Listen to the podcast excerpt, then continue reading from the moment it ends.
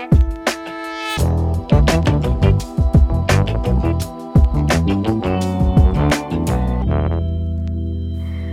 មជម្រាបសួរទស្សនិកជនទាំងអស់គ្នាសូមស្វាគមន៍មកកាន់វិធី podcast នៃគម្រោង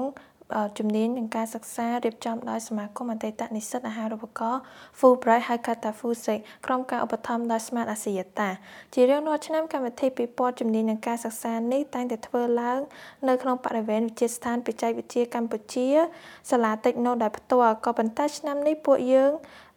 ទៅធ្វើទៅតាមប្រព័ន្ធ Digital ដើម្បីចូលរួមទប់ស្កាត់ជំងឺរាតត្បាតជំងឺ Covid-19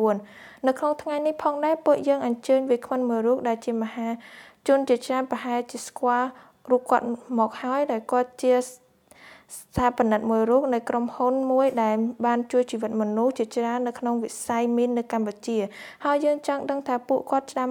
ចាប់ផ្ដើមមុខជំនាញនេះតាំងពីពេលណានិងដោយកត្តាអ្វីខ្លះអញ្ចឹងសូមកុំឲ្យខកខានពេលយូរយើងមកជួបពួកគាត់ទាំងអស់គ្នាអឺជំរាបសួរបងតើបងអាចណែនាំខ្លួននិងប្រវត្តិការសិក្សារបស់បងបានឬទេបាទអឺខ្ញុំឈ្មោះ Richard Yim អឺ បានសិក្សាអឺ Bachelor នៅប្រទេសកាណាដាមហាវិទ្យាល័យ University of Waterloo ផ្នែកវិស្វករហើយបានបន្តអនុបណ្ឌិតផ្នែក Business Entrepreneurship and Technology អូខេតើកត្តាអ្វីខ្លះដែលជំរុញឲ្យបងចាប់យកមុខវិជ្ជាមួយនេះផងដែរបាទអ្វីដែលធ្វើឲ្យខ្ញុំចង់សិក្សា engineering គឺខ្ញុំចង់យល់ពីខាង technical side របស់ការផលិត product មួយមួយជាពិសេសគឺតកតងជាមួយខាង technology អនាគតពីក្មេងមកក៏ខ្ញុំមាន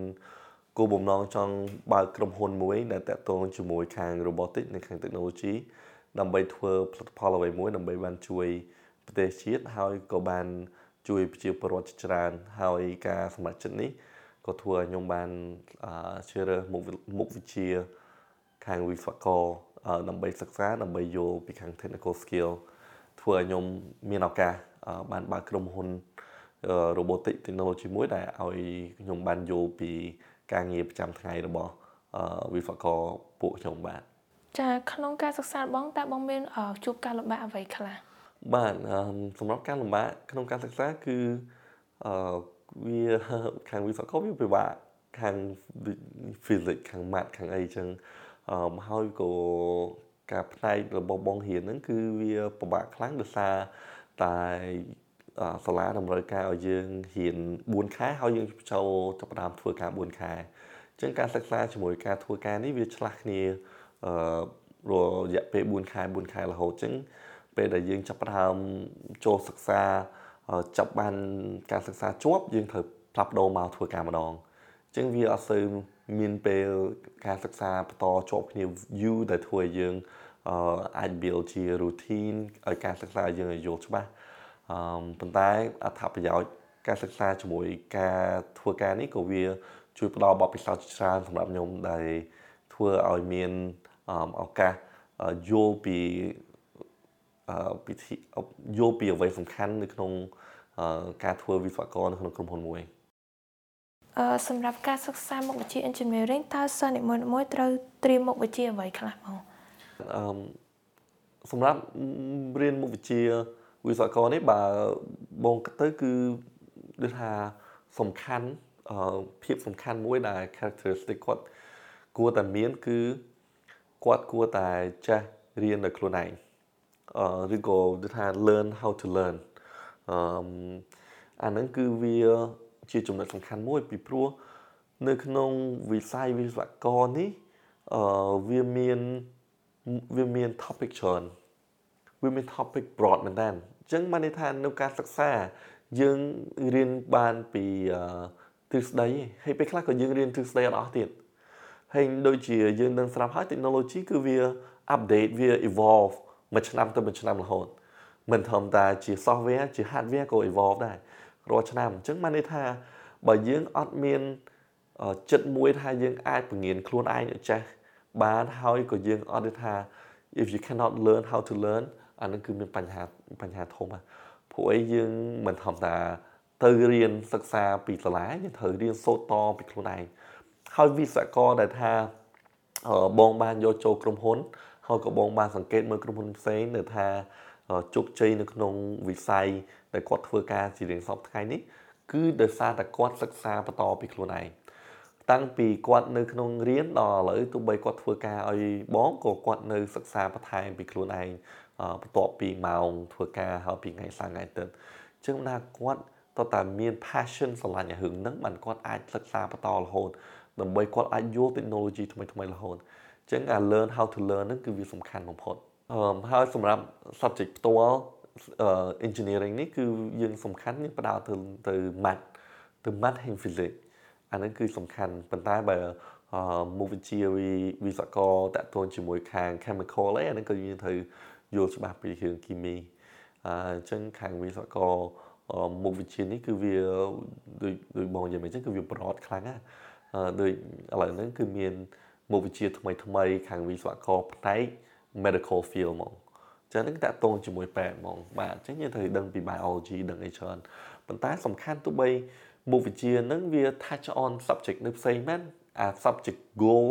អា goal subject primary subject ដែលថាយើងត្រូវគួរតែយល់ដឹងច្បាស់នេះគឺ physics ហើយ math ហ្នឹងហ្មងបាទ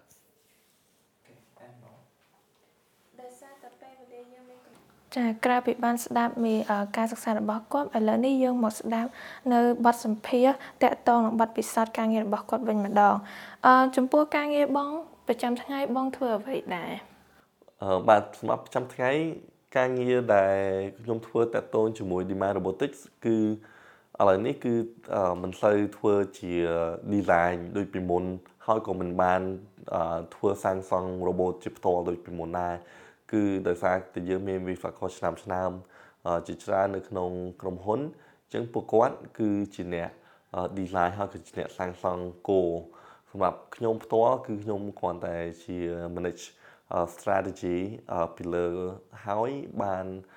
focus ទៅខាង business development សម្រាប់ក្រុមហ៊ុនចុះមានបញ្ហាអ្វីដែលបងប្រឈមមុខតកតងនឹង entrepreneur បាទអឺគឺការ entrepreneurship មួយមួយគឺមានន័យថាយើងបានបង្កើតក្រុមហ៊ុនថ្មី ដែលយើងមានគំនិតថ្មីមួយដែលយើងចង់បង្កើតឲ្យវាចេញជាការពិតហើយប្រឡូកនៅក្នុងសង្គមនៅក្នុងវិស័យ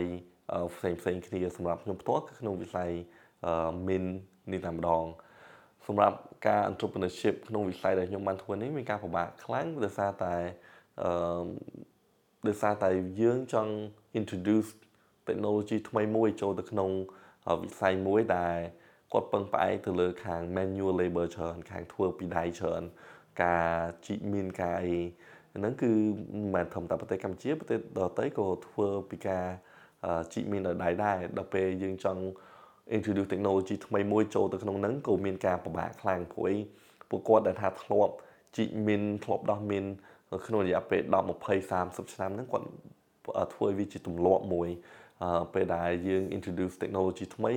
គឺពួកគាត់មានការមានការវង្វេងពេលខ្លះក៏មិនសូវយល់ពីខាង technology ថ្មីថ្មីអញ្ចឹងធ្វើមានការប្រាស្រ័យមាន មានបញ្ហាជាមួយចំនួនដែរបាទអឺតើខ្ញុំសម្រាប់សំណួរតាក់ទង entrepreneurship គឺតើមនុស្សម្នាក់ម្នាក់អាចក្លាយជា entrepreneur ឬមួយក៏ត្រូវការរៀន degree ចប់ degree សិនបងបាទចំពោះខ្ញុំផ្ទាល់ខ្ញុំគិតថា entrepreneurship គឺមិនមែនត្រូវការដល់រៀនចប់ bachelor ឬរៀនចប់អនុបណ្ឌិតឬក៏រៀនចប់បណ្ឌិតទេដើម្បីធ្វើបានអឺបើយើងមើលតាមជា history ឬក៏មើលតាមជានៅក្នុងសង្គមសពថ្ងៃហ្នឹង អឺ entrepreneur ដែលជោគជ័យធំធំនៅប្រទេសកម្ពុជាឬក៏នៅប្រទេសដទៃក៏មានច្រើនអ្នកដែរដែលគាត់មិនបានរៀនចប់ bachelor ឬក៏អនុបណ្ឌិតហើយគាត់ត្រឹមតែរៀនចប់ពីវិទ្យាល័យក៏អាចបើកក្រុមហ៊ុនដែលមានភាពជោគជ័យធំអឺប៉ុន្តែអាចំណុចនេះខ្ញុំចង់បញ្ជាក់ថា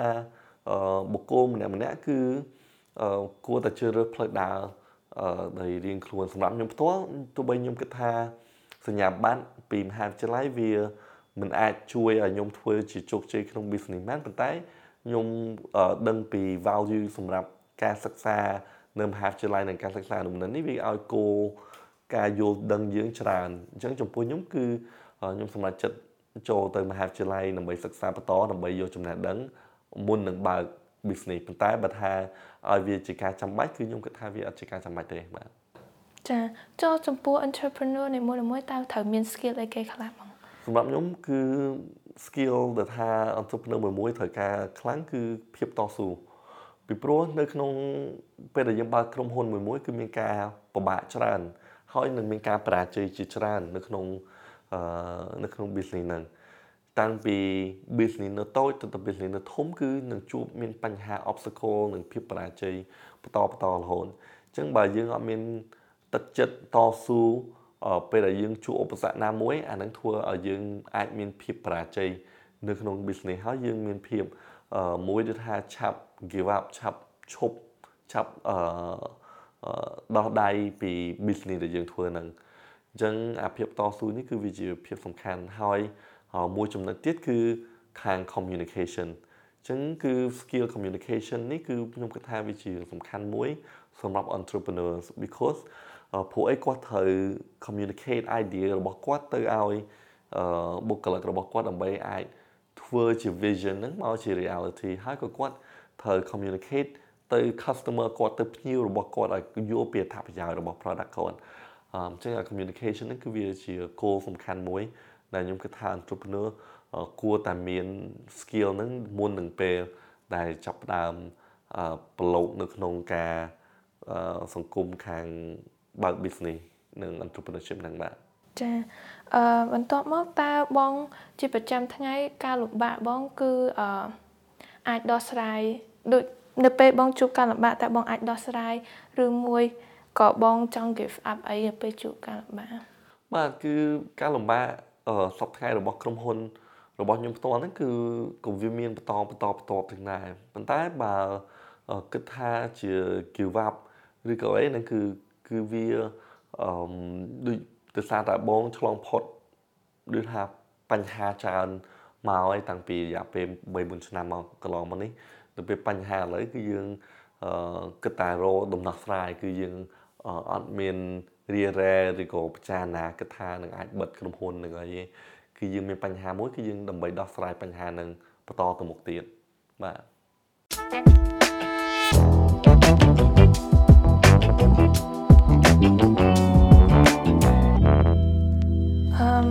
ដោយបានដឹងហើយលោក Jim Richard ជាស្ថាបនិកមួយរូបនៃក្រុមហ៊ុន Demand Robotics ដែលជាក្រុមហ៊ុនមួយដែលដោះស្រាយបញ្ហាមីននៅប្រទេសកម្ពុជាក្រុមហ៊ុនមួយនេះបានបង្កើតម៉ាស៊ីនសម្រាប់ដោះមីនដើម្បីលុបបំបាត់ការបាត់បង់ជីវិតនិងការវិការភាពនៃគ្រោះថ្នាក់ដោយសារគ្រាប់មីនឥឡូវនេះយើងមកស្ដាប់នៅកិច្ចសម្ភាសន៍នឹងតាក់ទងនឹង business របស់គាត់វិញម្ដងតើបង business បងចាប់ដើមនៅឆ្នាំណាដែរហើយមាន back story មិនដែរបងបាទគឺ business ខ្ញុំចាប់ដើម ពីគំនិតគឺពាក់កណ្ដាលឆ្នាំ2015ហើយពេលចាប់ផ្ដើមដែលប្រមូលក្រុមអឺជា serious ចាប់ផ្ដើម incorporation ជាក្រុមហ៊ុនមកគឺដើមឆ្នាំ2016អឺគឺការគោគំនិតរបស់ខ្ញុំចង់បង្កើតក្រុមហ៊ុនខាង robotic តាក់ទងជាមួយ min នេះគឺវាមានគំនិតយូរហើយតាំងពីពួកខ្ញុំនៅឆ្នាំទី1ខ្ញុំក៏បាននិយាយពីគំនិតដែលចង់ធ្វើនេះ ទៅដល់ជាពួកម៉ាជាពួកម៉ាដែលសិក្សានៅក្នុងមហាវិទ្យាល័យតែមួយគ្នានឹងហើយក៏បានពយោពីគាត់ពីរឿងបញ្ហាមីននៅប្រទេសកម្ពុជាហើយពយោពួកគាត់បញ្ហាមីននៅជុំវិញពិភពលោកដើម្បីអនាគតគឺឆ្នាំចុងក្រោយដែល2016នេះគឺនៅក្នុងមហាវិទ្យាល័យត្រូវតែធ្វើសារណាចុងក្រោយ final year design project ហើយពួកខ្ញុំក៏បានជ្រើសរើស topic min robot ដោះមីនហ្នឹងជា topic ជា final thesis project ហ្នឹងអឺចឹងទៅក៏បានអឺឲ្យពួកគាត់យល់តាំងពីឆ្នាំទី1ដល់ពេលឆ្នាំចុងក្រោយនេះបានចូលរួមគ្នាដើម្បីផលិតម៉ាស៊ីនហ្នឹងបាទហើយចាប់ផ្ដើម2016យើងបាន incorporate ក្រុមហ៊ុនហ្នឹងនៅប្រទេសកាណាដាចំពោះ investor ឬមួយ raise fund ឬមួយសហការ corporate គឺបងមានការ support ពី government ដែរទេ បាទអឺគឺរដ្ឋាភិបាលប្រទេសកាណាដាបានជួយជាច្រើនអឺនៃនៃការជាងចាប់ផ្ដើមមានដំបូងហ្នឹងអញ្ចឹងដូចជាអឺថវិកាដើម្បីយើងសាងសង់ robot នៅក្នុងរយៈពេលអឺដើមទី1ឆ្នាំ2ឆ្នាំដំបូងនេះគឺមានរដ្ឋាភិបាលកាណាដាគាត់ជួយគាត់ជួយច្រើនហើយក៏មានបុគ្គលអ្នកវិនិយោគនៅប្រទេសកាណាដាក៏បានចូលរួមប៉ុន្តែនៅក្នុងរយៈពេល1ឆ្នាំ2ឆ្នាំចុងក្រោយនេះក៏យើងបានឃើញថា នៅប្រទេសកម្ពុជាយើងក៏មានការគ្រប់គ្រងច្រើនដែលពួកខ្ញុំមានការត្រេញអរដែលមានអ្នកវិនិយោគនៅប្រទេសកម្ពុជា3នាក់ដែលបានចូលរួមជាមួយក្រុមហ៊ុនពួកខ្ញុំដែរហើយរដ្ឋាភិបាលប្រទេសកម្ពុជាក៏បានជួយជាច្រើនជួយជាចំណេះដឹងជួយជា opportunity ដើម្បីឲ្យបានសិក្សាពីមីននេះជាច្រើនដូចដូចជាខាងអាញាធមិនដែលគាត់បានជួយ ឲ្យពួកយើងបានចូលទៅជាការមីនហើយយកម៉ាស៊ីនទៅសាកល្បងជាមួយអង្គការផ្សេងផ្សេងបាននៅក្នុង business ផងដែរតើបងផលិតម៉ាស៊ីនបានប៉ុន្មានគ្រឿងបាទម៉ាស៊ីនយើងគឺផលិតបាន6គ្រឿងប៉ុន្តែពីមួយគ្រឿងទៅមួយគ្រឿងគឺវាជា update version 1ទៅ version 1អញ្ចឹងមានន័យថាក្នុងមួយ version យើងធ្វើបានមួយគ្រឿងហើយឥឡូវនេះជីវិតយើងឈ្មោះ robot នេះគឺឈ្មោះជីវិតហើយយើងនៅឥឡូវហ្នឹងជីវិតគឺចំនួនទី6ដែលយើងបានធ្វើការ ដាក់សាកល្បងនៅខេត្តរតនគិរីនេះបាទតើម៉ាស៊ីនមួយមួយអាចដោះមានប្រភេទតែមួយឬមួយក៏ដោះបានច្រើនប្រភេទបាទបើជាប្រភេទមីនគឺវាបែងចែកចេញជាពីរប្រភេទខ្នាតធំជាទី1គឺមីនប្រឆាំងអក្រោះជាទី2គឺមានប្រឆាំងមនុស្សថ្មើរជើងអញ្ចឹងរបូតបងរបស់ពួកខ្ញុំនេះគឺសាងសង់ដើម្បីដោះស្រាយជាមួយមីនប្រឆាំងមនុស្សថ្មើរជើងបាទអឺ ប៉ុន្តែឥឡូវនេះគឺយើងយករ៉ូបូតហ្នឹងទៅសាកល្បងនៅចការក្របបែកចង្កោមបាទអញ្ចឹងនៅខេត្តរតនគិរីគឺយើងយកម៉ាស៊ីនយើងទៅដាក់នៅចការរត់អឺចការនៅរតនគិរីនេះគឺដោះស្រាយពីក្របបែកចង្កោមសិនបាទហើយឆ្នាំក្រោយបានជាយើងចាប់ផ្ដើមយកម៉ាស៊ីននេះទៅដោះស្រាយពីខាងមីនមីនប្រឆាំងមនុស្សថ្មើរជើងបាទ សម្រាប់ម៉ាស៊ីននីមួយៗតើចំណាយពេលប៉ុន្មានខែដែលសម្រាប់ផលិតវា បាទចំណាយពេលអឺម៉ាស៊ីនមួយមួយគឺចំណាយពេលខុសៗគ្នាតិចតួចប៉ុន្តែបើជាមធ្យមគឺខ្ទង់6ទៅ8ខែសម្រាប់ latest model វាមានលក្ខណៈដូចនេះតើបងអឺ latest សម្រាប់ robot ចុងក្រោយនេះគឺមានចំណុចពិសេសពិសេសខ្លះដែលយើងបានបង្កើតខ្លួនឯងខ្ញុំចង់បញ្ជាក់ថា demand robotics ពួកពួកខ្ញុំនេះគឺយើងបង្កើតទាំង hardware ទាំង software អញ្ចឹងបានន័យថាយើងបង្កើតអាម៉ាស៊ីនសម្រាប់ក្បាលជីកមីននេះគឺយើង design អ្វីៗទាំងទាំងទាំង numeric sorry ទាំង hydraulic system អីគឺយើង design នៅក្នុង in house អញ្ចឹងយើងបានធ្វើអានឹងហើយហើយនៅក្នុង software ក៏យើងបានបង្កើតជា control system ជា camera system ជា internet connectivity ដើម្បីបញ្ជា robot ពីចម្ងាយ remote control បានចម្ងាយអាចទៅដល់5គីឡូម៉ែត្រហើយយើងមានកាមេរ៉ា4នៅលើម៉ាស៊ីនរបស់ពួកយើងហើយចំណុចសំខាន់មួយទៀតគឺយើងចាប់ផ្ដើម focus ទៅលើ code ខាង machine learning ដើម្បីអនាគតគឺយើងចង់ឲ្យម៉ាស៊ីនពួកយើងនេះអាចបើកបញ្ជាដោយខ្លួនឯងទៅ ជីកមីនដែលបានទម្លាក់គោគោសម្គាល់ហើយបាទតាំងពីបងចាប់ផ្ដើមប្រើប្រាស់ម៉ាស៊ីននេះតើបងអាចអឺដោះមានបានប៉ុន្មានភាគរយហ៎បាទអឺ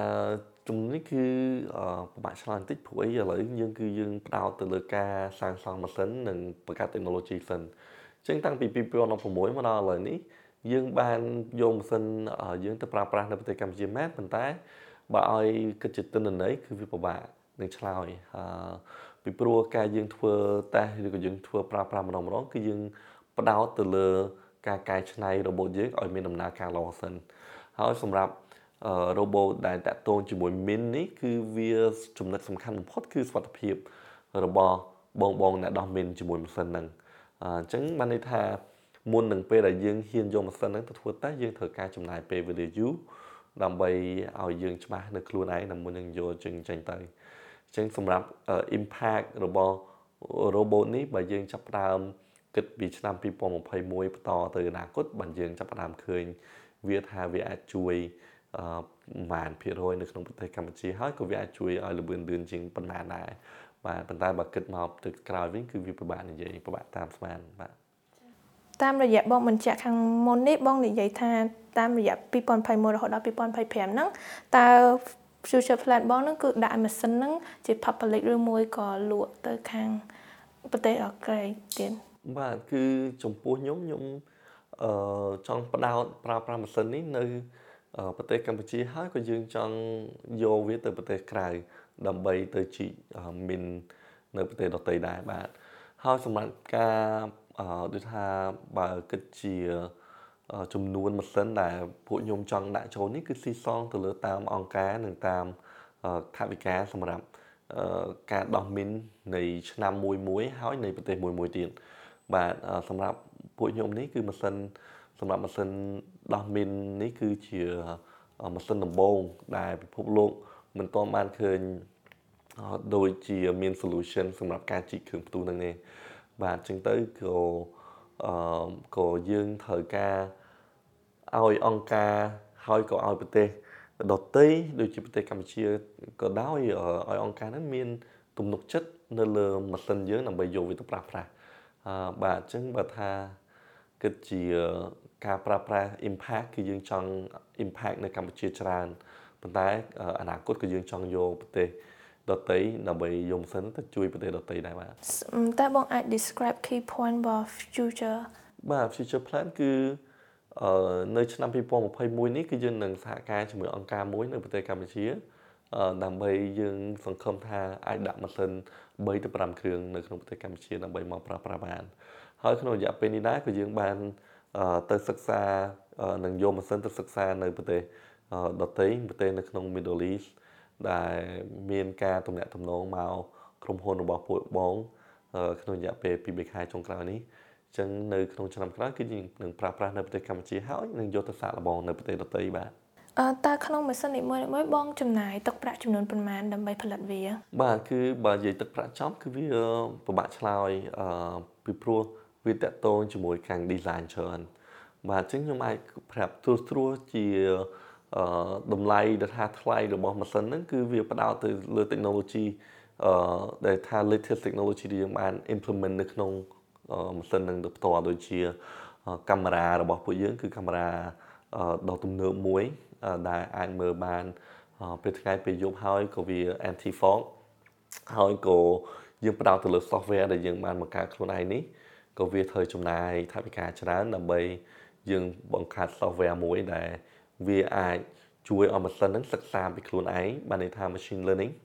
អញ្ចឹងអាហ្នឹងក៏វាចំណាយថវិកាច្រើនហើយដូចអ្វីអ្វីក៏ដោយប៉ុន្តែឲ្យតែនៅក្នុងរបៀប robotic គឺវាភាគច្រើនគឺចំណាយទៅលើ hardware ដូចជាអឺសម្រាប់ក្រុមហ៊ុនរបស់របស់បងផ្ទាល់គឺយើង customize uh, some of the part ដែលយើងត្រូវការប្រើប្រាស់ជាប្រចាំហ្មងអញ្ចឹងដូចជា board របស់កុំព្យូទ័រដែលថាយើងប្រើប្រាស់លើម៉ាស៊ីនហ្នឹងក៏ឯក៏យើង design ខ្លួនឯងហើយក៏យើងផលិតខ្លួនឯងដូចបងនិយាយជា hydraulic manifold ហ្នឹងគឺកន្លែងដែលគេបាញ់ប្រេងពជាប្រេងនេះក៏យើងផលិត design ខ្លួនឯងផលិតខ្លួនឯងទៀតអញ្ចឹងដោយអាការផលិតខ្លួនឯងនេះវាត្រូវការចំណាយថវិកាជាច្រើនបាទអឺតើបងអាចនិយាយរាប់ពីអឺការប្រើប្រាស់ម៉ាស៊ីននិងរបៀបប្រើប្រាស់វាបានទេបាទគឺការប្រើប្រាស់ម៉ាស៊ីននេះអឺ យើងបានឆ្នៃវាឲ្យជាទំនើបបានន័យថាយើងចាប់ផ្ដើមពីដំបូងបំផុត គឺយើងអត់ត្រូវការប៉ះម៉ាស៊ីនទេគឺយើងអាចប្រឆាស់នឹងប្លុតពីចម្ងាយប្រើតាម remote control របស់យើងបានអញ្ចឹងសូម្បីតាពីចាប់ផ្ដើមពីដំបូងគឺយើងអាចប្រឆាស់ម៉ាស៊ីនហ្នឹងពីចម្ងាយហើយយើងអាចបញ្ជាមើលតាមកាមេរ៉ាហ្នឹងដើម្បីទៅក្នុងទីការមីនហើយស្វែងរកចំណុចកណ្ដាលរបស់មីនដែលពួកគាត់បានឃើញហើយបានដាក់ឲ្យកាក់សម្គាល់ អឺព្រួយអា process របស់ពួកយើងនេះគឺយើងចូលយកម៉ាស៊ីនហ្នឹងចូលបន្ទាប់ពីខាងបងបងដោះមីនហ្នឹងគាត់ដាក់កាក់សម្គាល់នៅលើមីនហ្នឹងហើយអីអញ្ចឹងយើងអាចបញ្ជា robot ហ្នឹងមើលកាមេរ៉ាដាំឈ្មោះទៅរកកាក់សម្គាល់ពេលដែលយើងចូលទៅដល់កន្លែងចិត្តកាមេរ៉ាយើងចាប់បានកាក់សម្គាល់នេះយើងមានពីរពីរជំរើសជំរើសទី1គឺយើងអាចបញ្ជាដៃបន្តដើម្បីទៅជីនិងជំរើសទី2បើយើងដឹងស្ថានភាពដីច្បាស់ យើងអាចឲ្យ robot ហ្នឹងចូលទៅខ្លួនឯងបានន័យថា autonomous ឲ្យតែពេលចាប់ផ្ដើមវាឃើញកាក់សម្គាល់នឹងហើយអញ្ចឹងវាអាចអឺបញ្ជាខ្លួនឯងទៅដល់នៅលើកាក់សម្គាល់នឹងហើយចាប់ផ្ដើមជីកខ្លួនឯងហ្មងពេលជីកដល់ពេលវាលើកចេញមកកាក់សម្គាល់ជាមួយមីនហ្នឹងលើកចេញមកក្រៅលើដីហើយបានយើងពជាបន្ត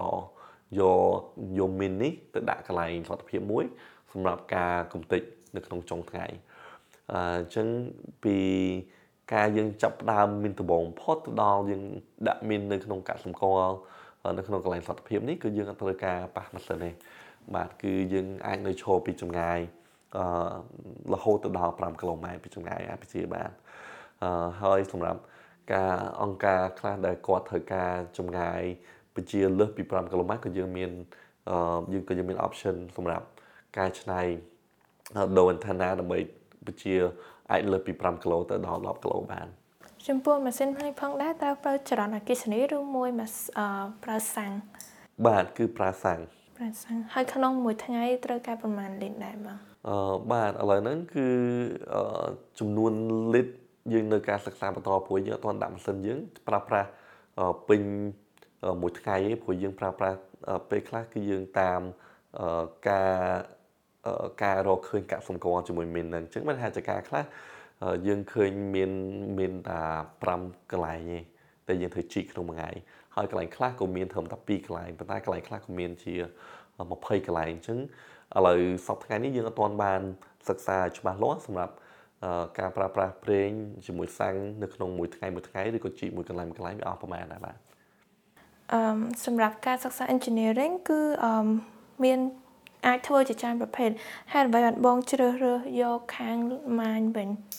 បាទចំពោះខ្ញុំផ្ទាល់អឺគឺដោយសារតែខ្ញុំឃើញ experience អឺដល់បញ្ហាមីននៅក្នុងប្រទេសកម្ពុជាផ្ទាល់ហ្មងខ្ញុំបានកើតនៅប្រទេសកម្ពុជានៅឆ្នាំ93អញ្ចឹងនៅក្នុងឆ្នាំពេលដែលខ្ញុំចាប់ផ្ដើមធំមកគឺឃើញបញ្ហាមីននឹងជាច្រើនដូចជាបងបងពីការមីននៅតាមផ្លូវនៅតាមផ្សារឬក៏អីចឹងគឺ ថាបញ្ហាមីននេះគឺជាបញ្ហាដែលធ្វើឲ្យសង្គមមានមានបញ្ហាចំនួនធំមួយហើយនឹងក៏បានជាខ្ញុំចង់ជួយនៅវិស័យមីនប៉ុន្តែក៏មាន reason ពី3ទៀតដែរដែលខ្ញុំចង់ប្រោតទៅលើថាហេតុអីក៏ខ្ញុំជឿរើវិស័យមីនដើម្បីធ្វើធ្វើការនេះដូចជាវិស័យផ្សេងផ្សេងដែលយើងបានដឹងហើយដូចជាវិស័យ e-commerce ឬក៏ agriculture technology វិស័យអស់ហ្នឹងគឺ មានអាច revenue generating វាបាន fast អញ្ចឹងមានន័យថាវិស្វករជាច្រើនបានផ្ដោតកម្លាំងដើម្បីទៅរក solution នៅក្នុងវិស័យអស់ហ្នឹងដល់ហើយទៅពេលគាត់ធ្វើអញ្ចឹងមានការផ្លេចនៅក្នុងវិស័យ min អញ្ចឹងដល់ពេលយើងកត់សម្គាល់ឲ្យច្បាស់លាស់នៅក្នុងវិស័យ min អឺគឺ solution សម្រាប់ការយក min រាល់ថ្ងៃនេះគឺវាគឺវា old school មែនតើគឺយើងត្រូវយក ចប់ជីកទៅជីកផ្ទាល់ហ្មងមនុស្សម្នាក់ម្នាក់មនុស្សបងបងដល់មានត្រូវនៅកាន់ចប់ជីកហ្នឹងដើរចូលចកាមានហោចជីកដាក់ដាក់ខ្លួនធម្មតា3 4ទឹកមុខហ្នឹងគឺពីប្រវាយមានហ្នឹង3 4ទឹកទេអញ្ចឹងបើមានបញ្ហាមួយគឺគាត់បាត់បង់ជីវិតហ្មងបាទគឺអញ្ចឹងវាបញ្ហាហ្នឹងវាវាបញ្ហាធំហើយដែលខ្ញុំចង់ធ្វើដំណោះស្រាយជួយមីននេះព្រោះខ្ញុំឃើញថាយើងចង់ជួយជីវិត របស់បងបងដែលគាត់ពលីអឺសុខចិត្តមកធ្វើការខាងដោះមីនហ្នឹងមិនមែននៅត្រឹមតែកម្ពុជានៅជុំវិញពិភពលោកគឺធ្វើអញ្ចឹងទាំងអស់បាទអញ្ចឹងពេលដែលខ្ញុំគិតយូរយូរទៅគឺថាឥឡូវហ្នឹងយើងចិត្តមាន self driving car យើងមាន drone យើងមាន technology ទំនើបទំនើបប៉ុន្តែយើងនៅតែបញ្ជូនប្រជាពលរដ្ឋយើងទៅជីកមីនដោយផ្ទាល់យកដៃកាប់ទៅជីកអញ្ចឹងបើបើសម្រាប់បុគ្គលខ្លះដែលគាត់ មិនយល់ច្បាស់ពីវិស័យមីននេះក៏គាត់អត់ដឹងថាវាជាគ្រោះថ្នាក់ប៉ុណ្ណាដែរ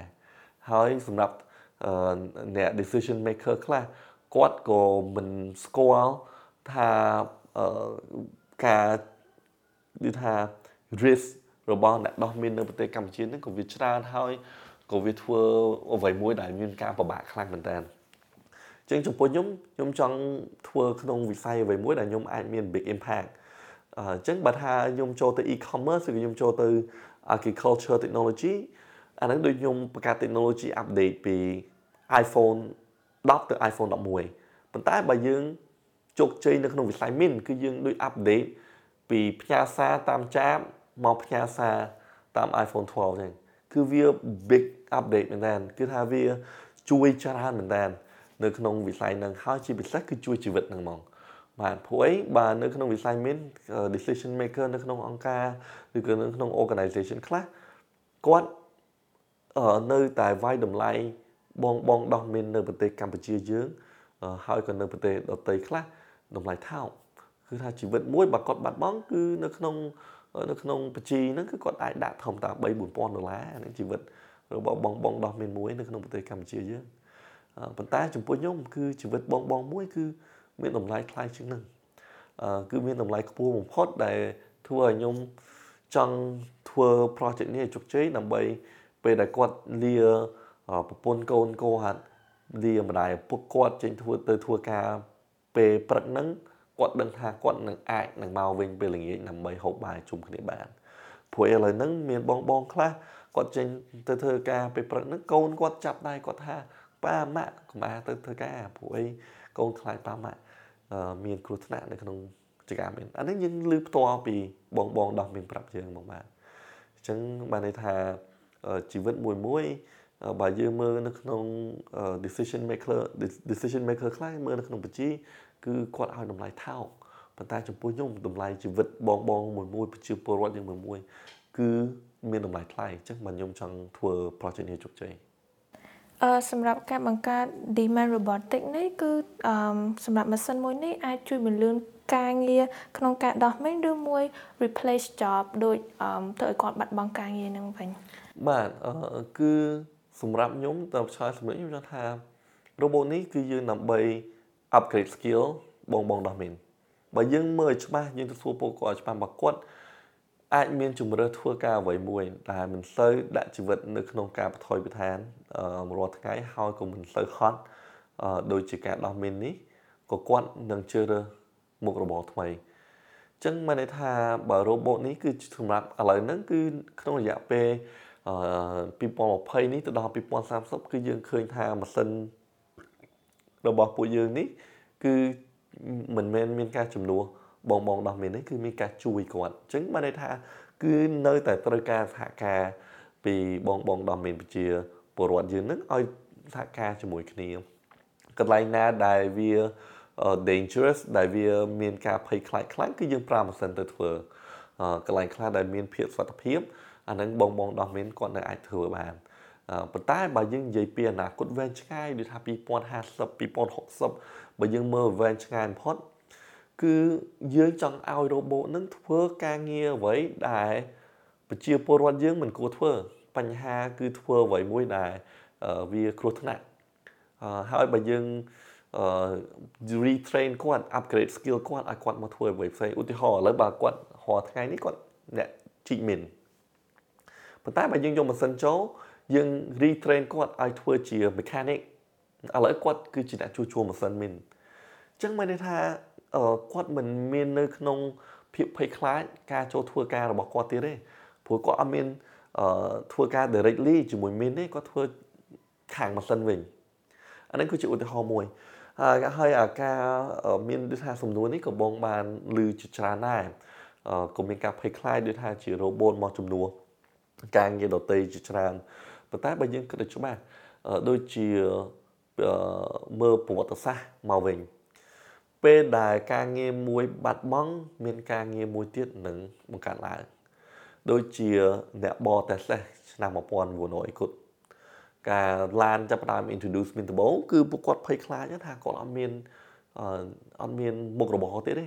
ឬក៏អ្នកធ្វើតេស្តអ្នកធ្វើតេស្តពីមុនគាត់ភ័យថាគាត់មានមុខរបរទៀតទេព្រោះពេលដល់ឡានចូលមកមានតែគេត្រូវប្រើតេស្តទៀតប៉ុន្តែពួកគាត់ retrain ឲ្យធ្វើជាអ្នក mechanic អ្នកបង្កើតឡាននឹងវិញអឺពេលដែល typewriter អាកន្លែងអាគេកុំព្យូទ័រវាយចេញមកអ្នកទៅសេសភៅពីដៃហ្នឹងគាត់ភ័យថាគាត់អត់មានការងារធ្វើប៉ុន្តែយើង retrain គាត់ឲ្យជាអ្នកមកថែមហ្នឹងអញ្ចឹងពេលដែលមុខរបរមួយវាជំនួសអឺប្រជាពលរដ្ឋយើងធ្វើការអ្វីមួយយើង retrain គាត់ឲ្យធ្វើមុខរបរមួយទៀតដែលស្រួលជាងមុនដែលមិនសូវហត់នឿយដូចជាងមុនហើយជាពិសេស គឺមិនមិនគ្រោះថ្នាក់ដូចមុនបាទអឺសំណួរ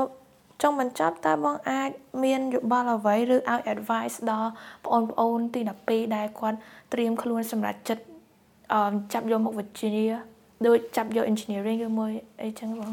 បាទគឺដំបូងមានគឺយើងត្រូវជ្រើសរើសមុខវិជ្ជាមួយដែលទោះបីមានការពិបាកប៉ុណ្ណាគឺយើងអាចតស៊ូនឹងនឹងបាន ជាងថាយើងតទៅចូលចិត្តមុខវិជ្ជានឹងឲ្យច្បាស់លាស់មែនតើហ្មងព្រោះបើយើងជឿរមុខវិជ្ជាមួយដែលម៉ាក់ប៉ាយើងឬក៏ដែលជាពុកម៉ាក់យើង convince ដូចចង់ឲ្យយើងចូលទៅរៀនហ្នឹងពេលដែលមានការពិបាកឬក៏បាបឬក៏មានការបរាជ័យមួយនៅក្នុងការសិក្សាហ្នឹង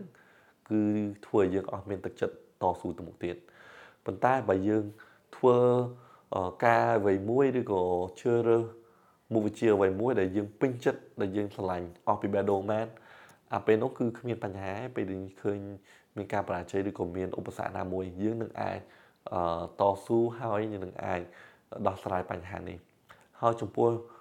ខ្ញុំផ្ទាល់ខ្ញុំចង់ផ្ដាំទៅបងប្អូនតែអ្នកទី12ជ្រើមុខវិជ្ជាហ្នឹងឲ្យឲ្យគាត់យល់ថាមុខវិជ្ជា សឹងតែគ្រប់មុខវិជ្ជា បើយើងឆ្លាញ់អស់ពីបេះដូងហើយយើងបកកែមែនគឺយើងអត់មានខ្វះការងារដើម្បីធ្វើខ្ញុំជឿជាក់ចឹងមកអឺអ្វីដែលយើងបានឃើញដូចថាជាក្រុមហ៊ុនបងផ្ទាល់ឬក៏ជាក្រុមហ៊ុនប្រមាបង នៅក្នុងសង្គមរាល់ថ្ងៃនេះដែលបានជឿរើបុគ្គលិកគឺពិសេសគឺម្នាក់ម្នាក់គាត់ថាពិបាកជឿរើបុគ្គលិកដោយសារអីដោយសារតែបុគ្គលិកមួយមួយជួនកាលគាត់អត់មាន passion ទេគាត់អត់មាន ការស្រឡាញ់ការងារហ្នឹងទេអញ្ចឹងយើងក៏មិនអាចជឿរើគាត់មកធ្វើការនឹងបុគ្គលិកហ្នឹងបានដែរប៉ុន្តែបើបុគ្គលិកខ្លះគាត់មាន passion នៅក្នុងអ្វីដែលគាត់ចង់ធ្វើនោះគឺយើងនឹងចាប់ផ្ដើមយកចូលនៅក្នុងក្រុមហ៊ុនហើយក្នុងក្រុមហ៊ុនមួយមួយក៏ត្រូវការបុគ្គលិកគ្រប់វិស័យដែរមិនត្រឹមតែជាវិស័យវិស្វករទេដូចឧទាហរណ៍ក្រុមហ៊ុនបងសប្តាហ៍នេះគឺមិនមែនត្រឹមតែមានតែវិស្វករទេគឺមានវិស្វករមាន accountant មានមេធាវីមាន designer មានអ្នក study communication មានអ្នក study ខាង strategy មានអ្នក study ខាង basic finance ហ្មងអញ្ចឹងវាមាន broad subject មែនតើដែលយើងបាន hire ចូលក្នុងក្រុមហ៊ុនអឺហើយអញ្ចឹងហើយពួកគាត់យល់ថាមិនមែនមានធម្មតា គឺថាវិស័យពេទ្យឬក៏វិស័យវិស្វករឬក៏វិស័យ accounting ដែលថាមាន opportunity ដើម្បីធ្វើការច្រើនបើគាត់ឆ្លាញ់មុខមុខមុខវិជ្ជាដែលគាត់ជឿរើសហ្នឹងហើយអាហ្នឹងធ្វើឲ្យគាត់ប្រកែក្នុងវិស័យហ្នឹងគឺខ្ញុំអឺមិនមានភាពភ័យខ្លាចថាគាត់អត់មានរកការងារធ្វើអត់បានទេបាទ ដោយសារតែពេលវេលាយើងមានកំណត់សូមអរគុណដល់បង Richard ដែលបានចំណាយពេលវេលាចូលរួមធ្វើបទសម្ភាសន៍មួយនេះដែលតាក់ទងនឹងមុខវិជ្ជា Entrepreneur និង Startup ហើយសូមអរគុណដល់ទស្សនិកជនទាំងអស់គ្នាដែលបានចូលរួមស្ដាប់នៅកម្មវិធីមួយនេះពួកយើងនឹងសង្ឃឹមថាខ្លឹមសារដែលគាត់បានបកស្រាយនេះជួយជំនួយដល់ការសម្រេចចិត្តជ្រើសរើសមុខវិជ្ជាសិក្សាឲ្យបានសមស្របជាថ្មីម្ដងទៀតសូមអរគុណ បងនិងទស្សនិកជនបើសិនបើខ្ញុំប្រើពាក្យសម្ដីមិនសមរម្យសូមអធិស្ឋានពីបងនិងទស្សនិកជនទាំងអស់គ្នាសូមអរគុណសូមជម្រាបលា